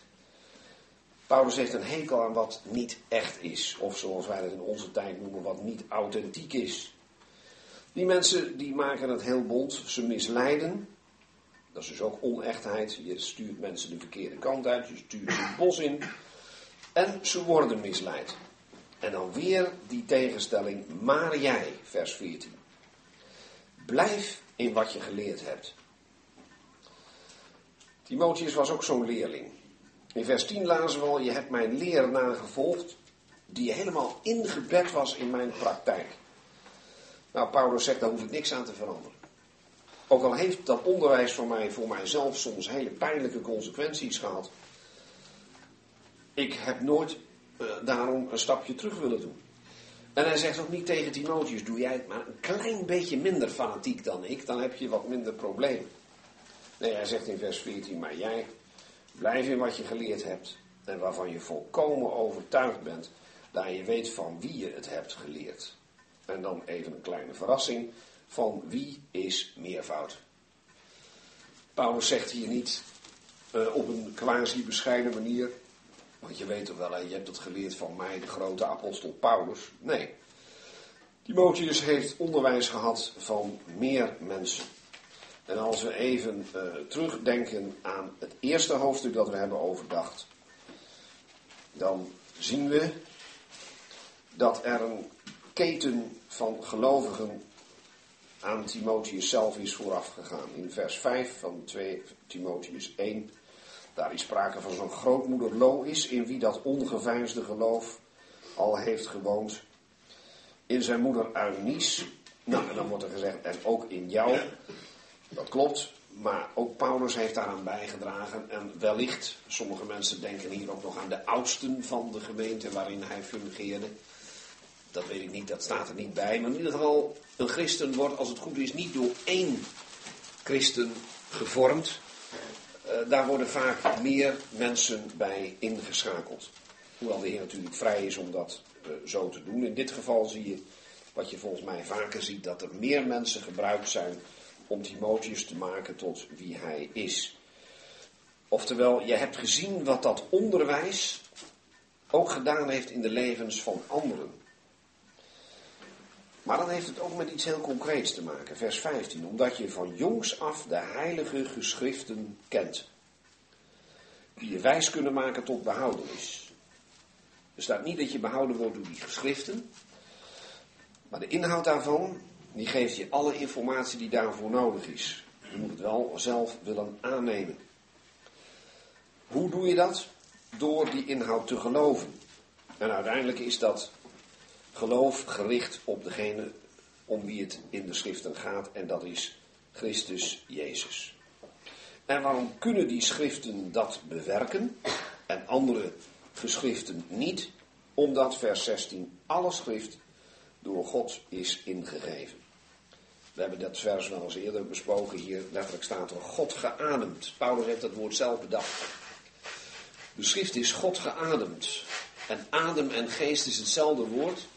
God heeft die schrift als het ware uit en ingeademd en dat door Paulus heen. En dan is niet alleen de schrijver geïnspireerd, hè, heilige man om Gods door de geest gedreven hebben gesproken, schrijft Petrus, maar ook wat ze schrijven is geïnspireerd. Hier staat, de schrift is door God ingegeven, alle schrift. En nuttig om, nou dan zie je hoe veelzijdig je de Bijbel kunt gebruiken, om te leren, te weerleggen. je kunt zelf dingen leren. Je kunt misschien ook iets van een ander recht moeten zetten, dan weerleg je dat. Te verbeteren. Je kunt, uh, laten we het eerst naar op onszelf betrekken. Onze eigen praktijk moet soms anders. Nou, de schrift is heel goed om dat te bewerken. En te onderwijzen in de gerechtigheid. Zo wordt hier de waarheid, de leer van het Nieuwe Testament samengevat, de gerechtigheid. En waar is het uiteindelijk op gericht? Weer het woordje opdat. Opdat de mens Gods volkomen is. Wat is nou de mens Gods? Nou, in het Oude Testament lezen we wel eens over een man Gods. Mozes, de man Gods. Elia, de man Gods. De grote uitzonderingen die het lef hadden om anders te zijn en die door God voor een dienst zijn gekozen. En dan is het een goede vraag, willen wij zo'n mens van God zijn? Zo'n aan God toegewijde mens, man, vrouw? Nou, dan kunnen we niet buiten de geïnspireerde schrift om. Want die wil ons onderwijzen in de gerechtigheid, opdat de mens Gods volkomen is. Er staat in de voetnoot hier, dat is volledig geschikt. Tot alle goed werk ten volle toegerust. Oftewel, wil je echt 100% geschikt zijn en je bekwamen om God te dienen en een uitzondering te durven zijn in zo'n eindtijd, dan kun je niet om de Bijbel heen. Al zijn er mensen die die Bijbel uitleggen en daar onderwijs in geven. Paulus is zelf een voorbeeld. En hij zegt, Timotheus, jij bent daar goed mee bezig geweest. Uiteindelijk zegt hij niet, ik ben degene die onderwijst in de gerechtigheid. Het zijn de geïnspireerde schriften. Het is de hele heilige schrift die dat doet. En die maakt dat zo'n man, zo'n vrouw van God volkomen is. En voor elk werk ten volle is toegerust. En daarmee is het uh, tijd. En is deze uiteenzetting uh, voor mij. In uh, dat slot van 2 Timotheus 3 dat beroemde stukje over alle schrift is van God ingegeven en nuttig om te leren, te weerleggen. Uh, eerst nog even dat woordje om te leren. Dat betekent daar echt om onderwijs te geven. En als er verderop staat en te onderwijzen in de gerechtigheid, dan zou dat eigenlijk het woord zijn dat je zou kunnen vertalen en op te voeden in de gerechtigheid of te trainen in de gerechtigheid. Anders zou je kunnen denken dat het daar ook uh, eh, 100% theorie is. Uh, dat is het niet. Maar daar begint het wel mee. Dus alle schrift is door God ingegeven en nuttig om te leren, hè, tot lering, tot het echt geven van onderwijs. En dan komt er weer leggen. Dat betekent, want daar ging de vraag over, wat dat nou precies was. Dat betekent natuurlijk niet ehm, dat de schrift op zich uh, weerlegd moet worden. Nee, dat dat een ideaal instrument is om dat wat fout is, omver te kegelen. Uh, misschien is het woord weerleggen niet meer zo modern. Maar bijvoorbeeld als er een valse aanklacht tegen je wordt ingediend. Nou, dan is het wel erg fijn als je een advocaat hebt die in staat is met feitenmateriaal die valse aanklacht te ontzenuwen, oftewel met feiten tegen te spreken. Nou, zo zijn er ook mensen, daar hebben we in het voorafgaande over gelezen, die zich tegen de waarheid verzetten. Dwaalleraren, verleidende geesten, zoals in 1 Timotheus 4 worden genoemd. Nou, hoe moet je het gedachtegoed van zulke mensen pareren? Hoe moet je je daar tegenkeren? Hoe moet je hun gedachtegoed weerleggen? Nou, dat kan alleen maar uh, niet door slim te redeneren, maar door daar het woord van God tegenover te stellen. Dus de autoriteit van het woord van God, dat is het weerleggen van wat verkeerd is. En omdat er hier niet bij staat wat weerlegd moet worden, was het denk ik goed om deze aanvulling te geven. Bij om te leren kunnen we ons allemaal iets voorstellen. Maar dat je met de schrift ook kunt weerleggen, ja, dan gaat het dus om datgene wat daar niet mee klopt. Met, gaat het over dwaalleer. En als het komt er daarna dus te verbeteren, eigenlijk staat er, uh, maar het is niet echt goed Nederlands, dit is een prima vertaling, tot rechtzetting. Oftewel, het is scheef, uh, maar nog niet helemaal recht. Het staat nog niet helemaal rechtop. Dus met rechtzetting bedoel ik rechtopzetting. En de gedachte is dan, het, wat rechtop staat is oké. En uh, zolang dat niet gebeurd is, moet je de boel uh, verbeteren. In, uh, ik geloof de brief van Titus, is sprake van het ontbrekende in orde brengen. En dat in orde brengen is een woord dat hiermee verwant houdt. Het is nog niet in orde. Het staat nog niet helemaal recht overeind. Er moet nog iets aan verbeterd worden. Dus misschien niet weerleggen. Maar het kan ook zijn dat we een onvolkomen besef hebben van bepaalde dingen die de schrift leert. Bijvoorbeeld van bijvoorbeeld iets als, uh, wat is nou eigenlijk behoudenis? Nou, als we alleen maar denken dat dat betekent gered te worden om in de hemel te komen, dan is het op zich wel waar, maar daar moet nog wel iets aan verbeterd worden. Want de behoudenis heeft een tegenwoordig aspect en een toekomstig aspect. Nou, dat doe je door je Bijbel open te doen uh, en daar het onderwijs van ter harte te nemen. Dat is dus iets heel anders dan weerleggen, want wat ik net zei, dat voorbeeldje, dat is geen dwaalleer, het is onvolledig. Daar moest iets aan verbeterd worden. En dan komt het meest praktische in wat dan te onderwijzen in de gerechtigheid. Dat zoals gezegd kan dat betekenen tot opvoeding in of tot training in gerechtigheid. We zien ook geen lidwoord bij gerechtigheid staan. Daar gaat het dus echt duidelijk om onze praktijk. En hier zie je dat onderwijs en praktijk niet van elkaar worden gescheiden. Dat doen wij wel vaak. Wij lopen het risico te denken dat wat wij nu aan het doen zijn, ja, dat is theorie.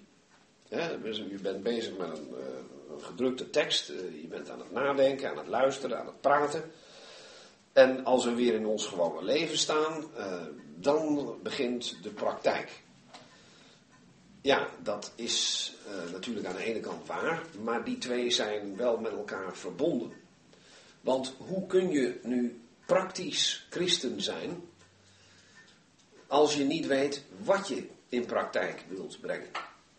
Hoe kun je doen wat de Heer van je vraagt als je je niet eerst verdiept in wat de Heer van je vraagt? Of zonder dat het nou steeds om ons gaat. Um, we staan pas op een goede manier in het leven als we uh, de dingen zien en kunnen beoordelen zoals God ze ziet en beoordeelt. En om dat te leren hebben we een prachtig hulpmiddel gekregen en dat is uh, de door God geïnspireerde Heilige Schrift. En dan onderwijst de Schrift ons, die traint ons, die voedt ons op in een rechtvaardige wandel, in gerechtigheid. Het juist handelen. En dan komt het totale doel. Hè? Waarom, waar is datgene waarin de schrift zo nuttig is, uiteindelijk op gericht? Nou, we hebben gezien, hij is nuttig om te leren, te weerleggen, te verbeteren en te onderwijzen in de gerechtigheid. Uiteindelijk, waar is dat allemaal op gericht? Hoe gaat dat harmonisch samen? In een geestelijk volwassen man van God, of vrouw van God, zeg ik gelijk. Want er staat mens, dat vind ik wel mooi. Dat er mens van God staat. Je kunt dus aan een man en een vrouw denken die aan God is toegewijd. En het is natuurlijk geweldig als we, wanneer we dit lezen, voor onszelf de beslissing nemen en zeggen: Zo iemand wil ik zijn. Maar dat kan je natuurlijk nooit uit jezelf. Uh, daar is Gods woord voor nodig, Gods geest, uh, voorbeelden van gelovigen zoals Paulus, die niet alleen gesproken, maar ook gehandeld hebben. Ook mensen die je nu willen helpen, geestelijke vaders en moeders. Dan ben je een op God gericht persoon, een mens van God, die volledig geschikt is gemaakt en daarom toegerust is tot alle goed werk. Natuurlijk uh, zal de een beter zijn in de ene tak van arbeid uh, dan in de andere. Hè. Op, op andere gedeelten spreekt Paulus over de gaven.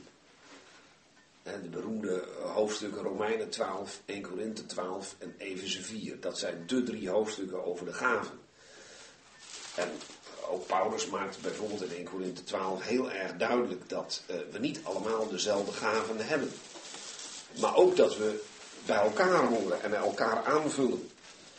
Maar uiteindelijk, datgene wat de Heer ons dan toevertrouwt aan arbeid, kunnen we beter doen als we een man, een vrouw van God willen zijn.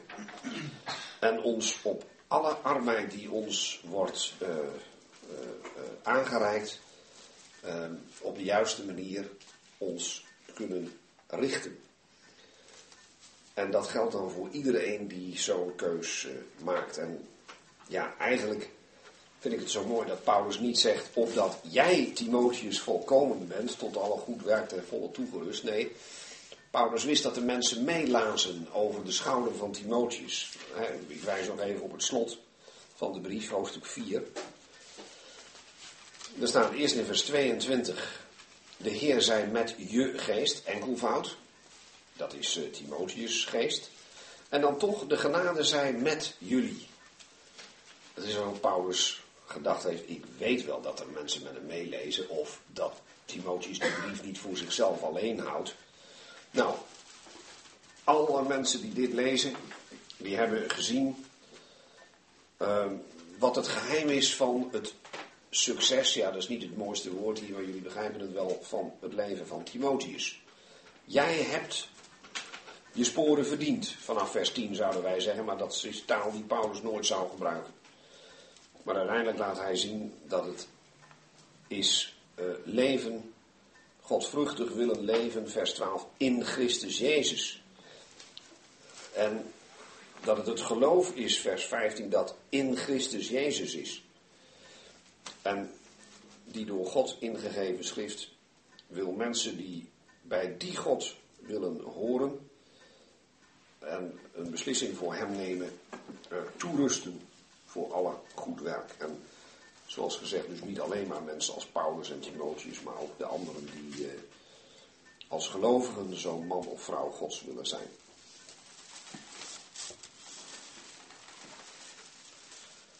Ik weet niet of er nog andere opmerkingen zijn, vragen.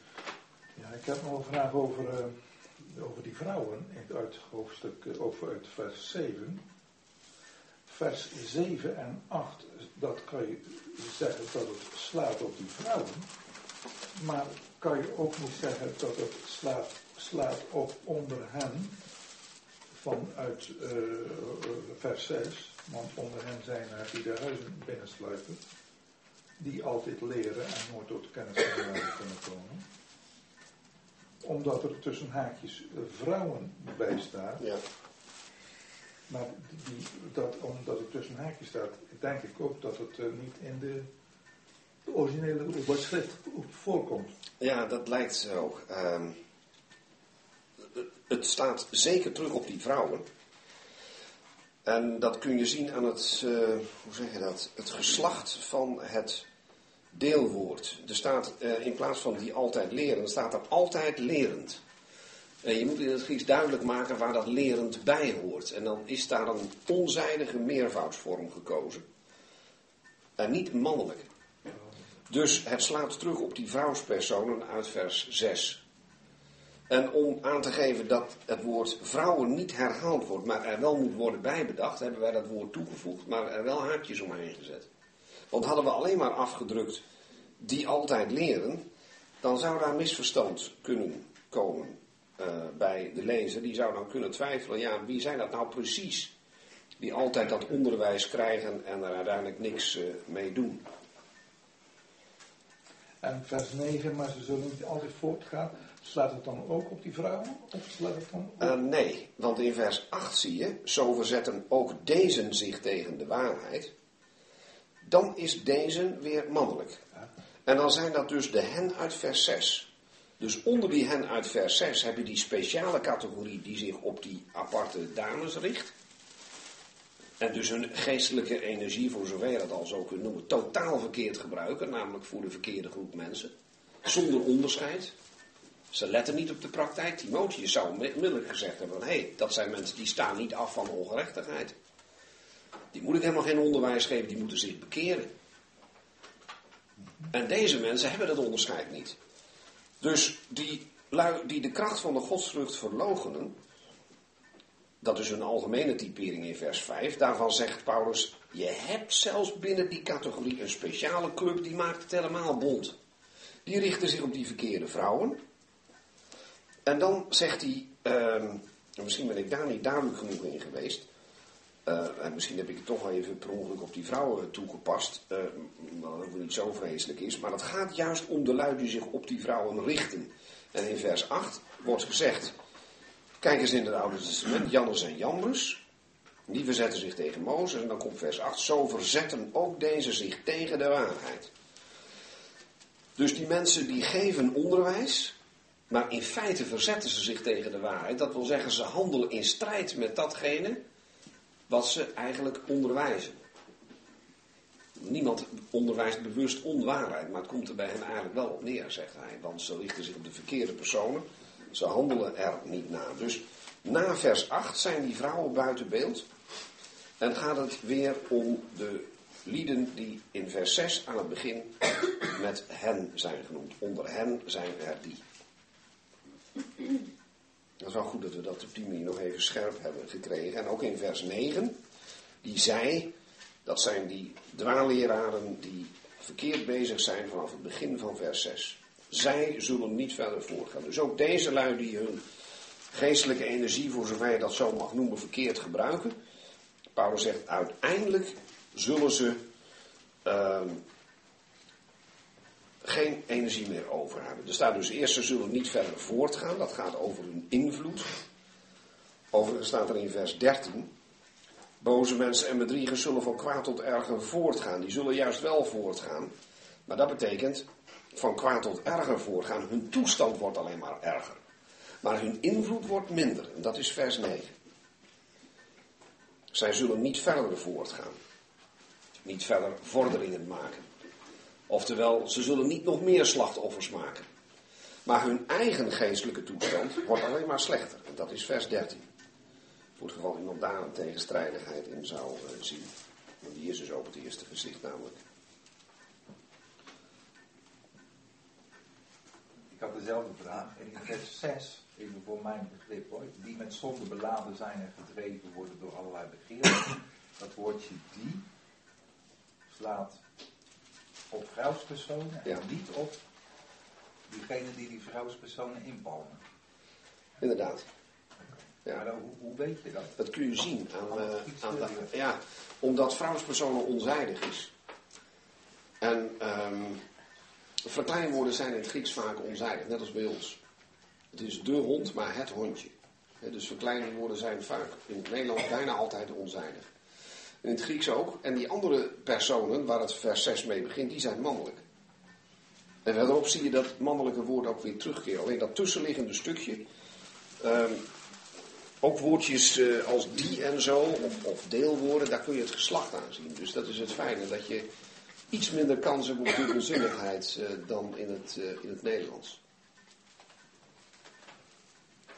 Ja, kennelijk is dat in iets dan heel makkelijk te zien. Maar hoe zie je dat in de praktijk? Ik, ik bedoel, als ik nu om me heen kijk, hè, is dan, kan je dan zeggen van, nou ja, weet je ook gelezen over? ja, dingen die zo duidelijk zijn, hè, dan zeg ik van, nou ja, daar hebben we eerst mee te maken, dat is zo duidelijk. Maar goed, uh, Timotheus wordt er nog weer specifiek op gewezen. Ja. Mensen die ogenschijnlijk godsvrucht hebben, dus die zou zeggen van, ja, daar mag ik toch niks aan. En die dan deze dingen doen. Ja, ik heb dat eigenlijk nog niet zo meegemaakt, eerlijk gezegd. Tenminste, nee, niet direct. Nou, we zullen denk ik ook niet altijd allemaal in dezelfde mate met, uh, met al die kenmerken uh, in contact komen. Maar ik krijg zelf de indruk dat Paulus een uitputtende lijst geeft, een totaallijst, van hoe de christenheid er in de eindtijd uit zal zien, toekomende tijd, waarvan toch de kenmerken nu al zichtbaar zijn. En als hij die opsomming heeft gegeven, dan geeft hij, als ik het goed zie, aan Timotheus één praktijkvoorbeeld dat in zijn tijd speelt.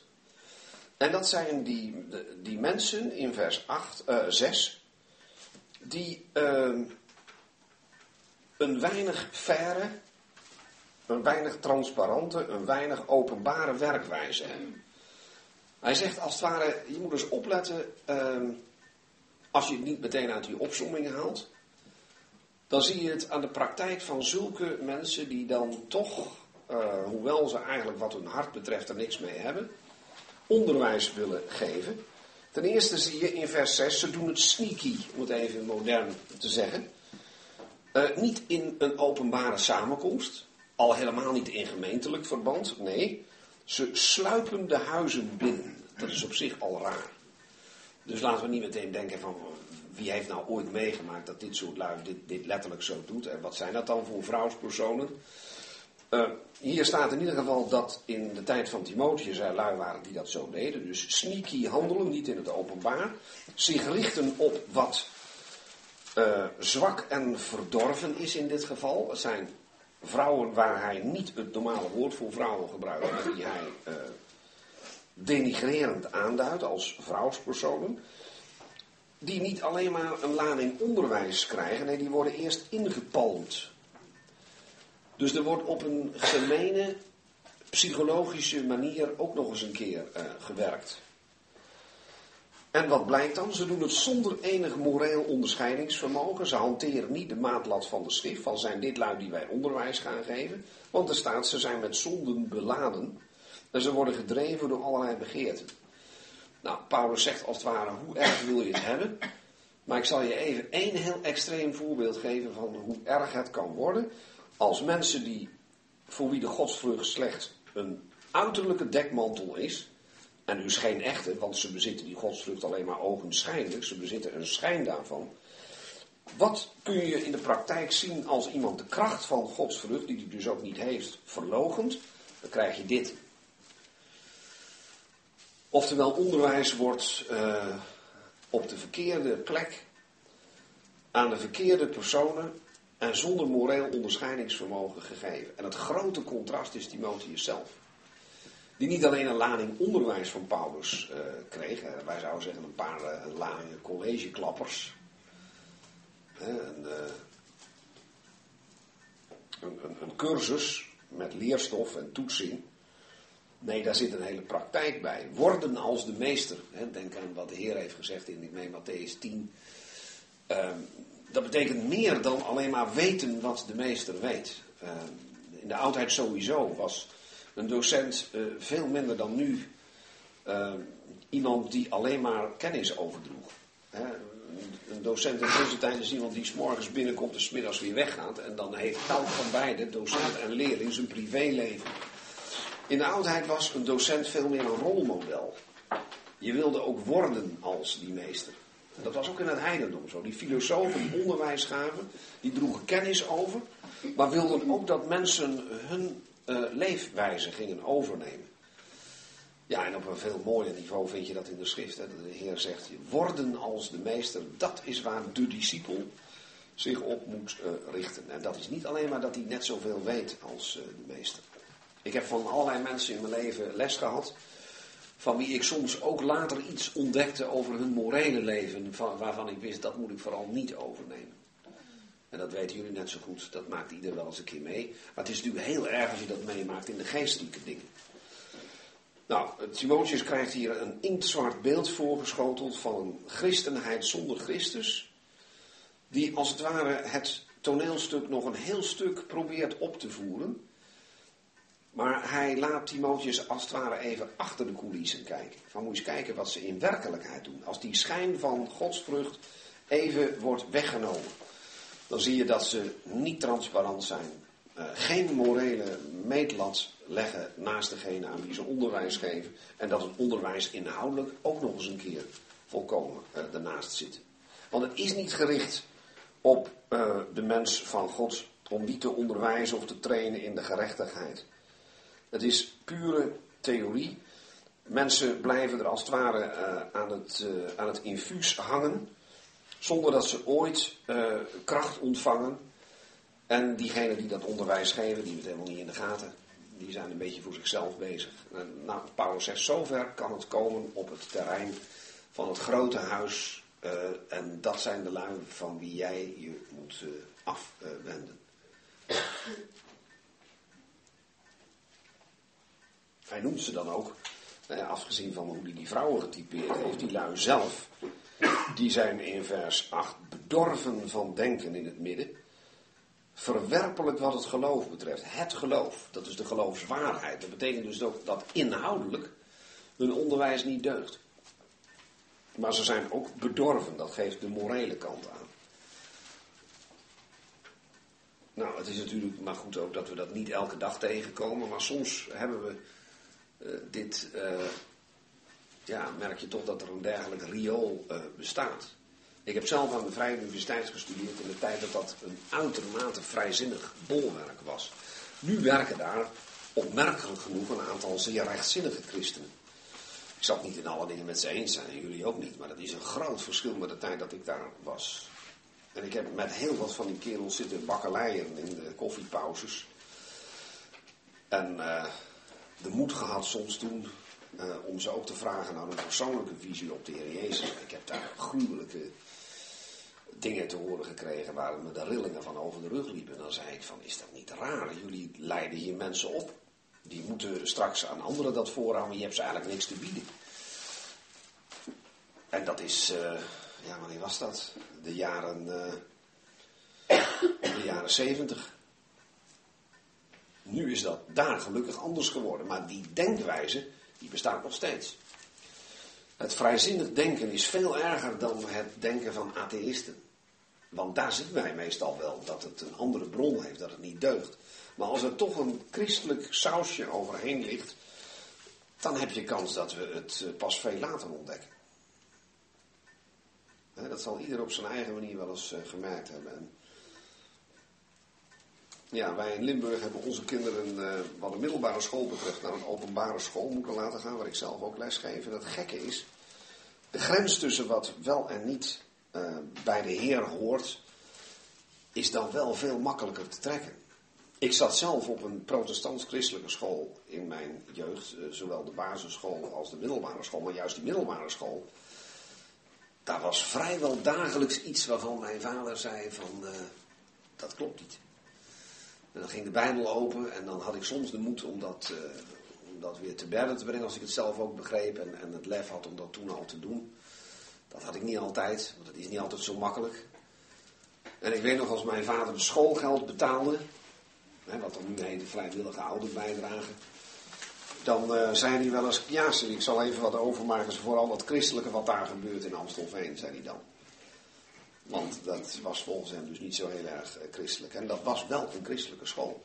Daar was elke dag een dagopening. Dat werd voorgelezen, gezongen, maar dat commentaar wat er vaak bijgegeven werd, wat uitgestraald werd, of juist niet, ja, dat, uh, dat doet me wel enigszins denken aan wat hier staat. Christendom zonder Christus. Het werd eerder gezien als iets uit het verleden wat er nou een keer bij hoorde en wat je ook niet zomaar aan de kant kon schuiven. Maar daar werd niet, eh, althans door de meesten, niet echt iets warms eh, overgedragen.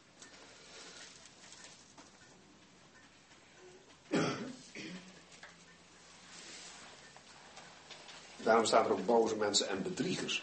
Een gewone eerlijke ongelovige, ja hoe raar het ook klinkt, maar iemand die niet pretendeert toch een beetje gelovig te zijn, is vele keren uh, makkelijker als gesprekspartner. Dat wil niet zeggen dat je zo iemand het heil in Christus niet gunt, maar die vertel je iets nieuws in veel gevallen. Maar iemand die van het christelijk erf komt, die doet soms eerder aan nestvervuiling. Ik heb uh, dan nog één voorbeeldje dan, omdat ik liever niet over mezelf praat. Maar in de tijd dat ik aan de VU studeerde, heb ik een tijdje overwogen um, het vak Nederlands als bijvak uh, met een extra onderwijsbevoegdheid te gaan volgen. En toen kreeg ik, um, ik, wist niet zeker of ik nou geschiedenis moest gaan doen of Nederlands, naast uh, mijn hoofdvak, de klassieke talen.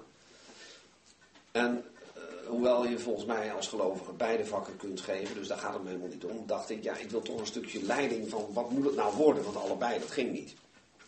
Nou, ik had binnen de kortste keren een stevige ruzie met de studiebegeleider van de afdeling Nederlands. En waar ging dat over? Ik vroeg, heb ik, als het gaat om de moderne literatuur, een zekere keuzevrijheid? En toen wilde die docent weten waarom ik dat wilde. Nou, toen zei ik, omdat er allerlei dingen in de moderne literatuur geschreven zijn waar ik mij niet mee wil verontreinigen. Dat woord gebruikte ik. En toen zei hij, wacht eens even, zei hij. Hij zegt, dit zijn dorpse vooroordelen. Dit is het dichttrappen van deuren, daar beginnen we hier niet aan. Die vrijheid wordt niet gegeven. Ik zei, dat is fijn, dan weet ik waar ik aan toe ben. Dank u wel. Ik ben dus niet in discussie gegaan. En ik heb later mensen van diezelfde afdeling Nederlands uh, gesproken die daar heel anders over dachten. En die zeiden dat had hij nooit mogen zeggen. Je had alle vrijheid gehad. Ik zei nou, dat geeft niets. Ik had op die dag uh, toch een duidelijke hint nodig wat ik dan wel moest gaan doen. Um, maar ik merkte toen hoe die man erop reageerde. En dat was iemand die een 100% uh, christelijke opvoeding had genoten. Totaal van het geloof was afgeraakt. En tegen zijn gelovige collega's op maandagmorgen zei, uh, stel dat ze iemand Karel heet, ik fantaseer even. En Karel, weer fijn gesticht gisteren. Nou, u begrijpt als iemand er zo over spreekt, die, uh, die weet nog wat het was, maar die heeft er niks mee. Dat is deze sfeer. Een christelijke universiteit was het, maar die grondslag werd een beetje lacherig over gedaan. Ach joh, dat is iets om een handtekening onder te zetten, voor de rest nooit meer over na te denken. En als je dan zei, dat is het volgens mij helemaal niet. Als ik een handtekening zet onder een afspraak met een bank of zo, dan weet ik toch ook wat ik doe. Je zet toch niet zomaar een handtekening, dan keken ze je heel vreemd aan. Dat, uh, er waren een paar mensen in die tijd die zo dachten. En uh, de vlag, het vaandel nog een beetje omhoog wilden houden. Maar het gros toen en ook nu aan de Vrije Universiteit met een christelijke achtergrond ziet dat hooguit als een, een etiket dat best mooi is. Een, beetje gevoel voor traditie. Hè. Er staat ook op de rand van de 2 euro stuk ook nog altijd God zijn met ons. Dat wilde minister Zalm destijds ook niet zomaar wegdoen, want dat was toch ook niks mis mee. Het was toch een mooie traditie. Al hoefde je daar helemaal niet nou iets mee te hebben. Nou, dat is de sfeer van 2 Timotheus 3. Ik heb nog wel een vraagje over um, twee zeg maar, soort stellige uitspraken van Paulus. 1 in vers 7, waar we het net over gehad hebben, zeg maar. Waarin hij zegt dan aan het eind van vers 7 dat ze nooit tot kennis van de waarheid kunnen komen. Dat zeg maar het eerste betekent dat inderdaad dat voor zulke mensen geen eh, redding meer mogelijk is. En het tweede, dat is uh, een ander onderwerp zeg maar, is in vers 14, waar ik tegen Timotheus zegt, maar jij blijft in wat je geleerd hebt, waarvan je volkomen overtuigd bent. En kun je dat, of moet je dat koppelen, want het wordt er hier in ieder geval gekoppeld, dat je weet van wie je het geleerd hebt en omdat je van jongs af aan de Heilige Schrift kent. In hoeverre, zeg maar, zitten die stellige uitspraken verbonden aan En wat er zeg maar omheen staat als het ware. En dan denk ik ook in vers 7 aan het verdorven denken. Wat we in feite natuurlijk allemaal hebben op een bepaalde manier. Maar wat eh, toch door de genade van de Heer iets is wat we vernieuwd kunnen krijgen. Ja, als het om die vrouwen gaat. ehm, als er dan staat dat ze nooit tot kennis van de waarheid kunnen komen. Dat is zolang ze in deze gesteldheid zich bezighouden met datgene wat er dan toch nog aan eh, heilige dingen aan hem wordt overgedragen. Door mensen die er overigens zelf niks mee hebben. Zolang ze namelijk niet lijden onder het feit dat ze met zonden beladen zijn. En die verkeerde begeerten niet als zodanig veroordelen. Dan kun je ze vol pompen met onderwijs. Met mooie bijbelstudieschema's. Maar zolang ze dat doen, zullen ze nooit eh, tot kennis van de waarheid komen. Maar alleen maar altijd als sponsen eh, onderwijs in zich opnemen, maar er helemaal niks mee doen. Dus ik lees dat wel met een bepaalde beperking. Het is niet zo dat ze gedoemd zijn en zich nooit meer zullen kunnen bekeren. Maar wel zolang ze in deze toestand zijn. Zolang ze dit soort vrouwen zijn eh, die een praktijk hebben die zich van dat hele onderwijs niks aantrekt.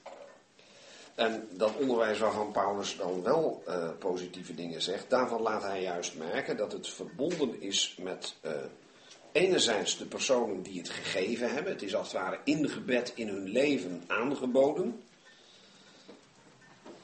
Van eh, blijf in wat je geleerd hebt, waarvan je volkomen overtuigd bent. En waarom? Dan, en dan komen er twee redenen. Waarom kan hij daar volkomen van overtuigd zijn? A, daar je weet van wie je het hebt geleerd. Oftewel, je hebt gezien wat het in mensenlevens werkelijk heeft gedaan. Bij die vrouw had het geen steek uitgehaald nog. En omdat je van jongs af de heilige geschriften kent die je wijs kunnen maken tot behoudenis. Oftewel, eh, dat is argument 2. Ook op grond daarvan kun je 100% ervan overtuigd zijn dat wat je geleerd hebt ook met die eh, heilige geschriften in overeenstemming is. En dat is het mooie, gezonde evenwicht. Wat dus ook ontbrak eh, bij die vrouwen. Die kregen onderwijs van verkeerde personen.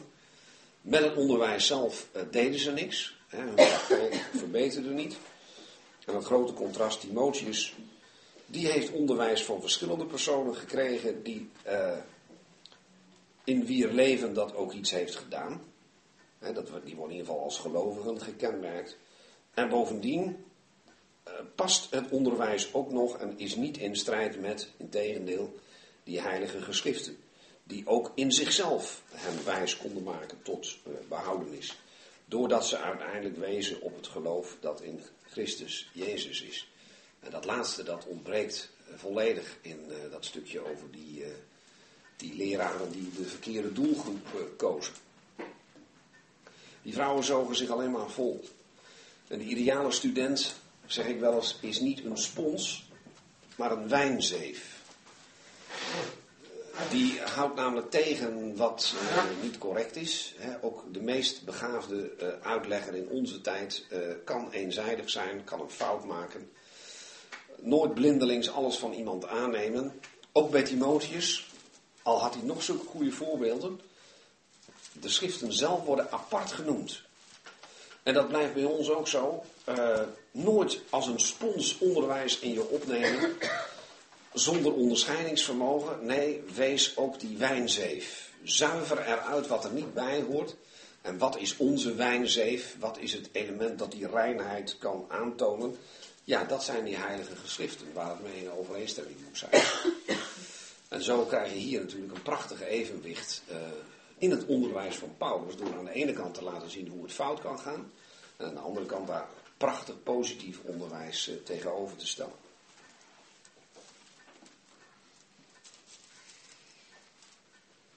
Nog een vraag. Uh, die uh, kracht van de godsvrucht, die vind ik, dat vind ik een beetje abstract wel. Kun je misschien ook zeggen dat als dat wel zijn uitwerking hebt, dat er dan in die laatste vier versen uitkomt, bijvoorbeeld? Ja, dat denk ik wel. Uh, want die godsvrucht, He, vroomheid is dat, he, het bewust je richten op het eren en aanbidden van God, ja, daar gaat kracht van uit. En je bedoelt, dan kom je uit met de laatste vier versen van het hele hoofdstuk. Ja, dat denk ik zeker. Want uh, die mensen die Paulus daar uh, zonder hun namen te noemen noemt als degene die het voorbeeld voor Timotheus zijn geweest en voor Timotheus zelf. Ja, dat is een leefwijze waar wel de kracht van de godsvrucht in uh, zichtbaar is. Het lijkt me zeker heel mooi om dat zo te zien. Want daar eindigt het immers mee, met de praktijk van de mens van God, die tot alle goed werk ten volle is toegerust. En dat doet hij omdat hij de juiste gerichtheid heeft. Dat is echt godsvrucht, gericht op het eren van God en dus ook op de wens om alle goed werk te doen als een mens, een man of een vrouw van God. In bijvoorbeeld uh, Titus 1, vers 16 zie je ook zo'n voorbeeld hoe het niet moet en toch is het positief onderwijs. En daar zie je ook die godsvrucht verbonden met de praktijk. Titus 1, vers 16. Daar gaat het over mensen ongeloven voor wie niets rein is, maar zowel hun verstand als hun geweten is besmet. En dan vers 16, zij beleiden God te kennen, maar ze verloochenen hem met de werken. Daar ze vervoerlijk en ongehoorzaam zijn en voor alle goed werk ongeschikt. Daar heb je het. Dus de godsvrucht, als die ontbreekt, vergeet de praktijk dan ook maar. En omgekeerd zou je kunnen zeggen, als die praktijk wel goed is, en dat moest Timotheus bekijken, dan kon hij ervan uitgaan dat dat ook vanuit deze bron uh, voort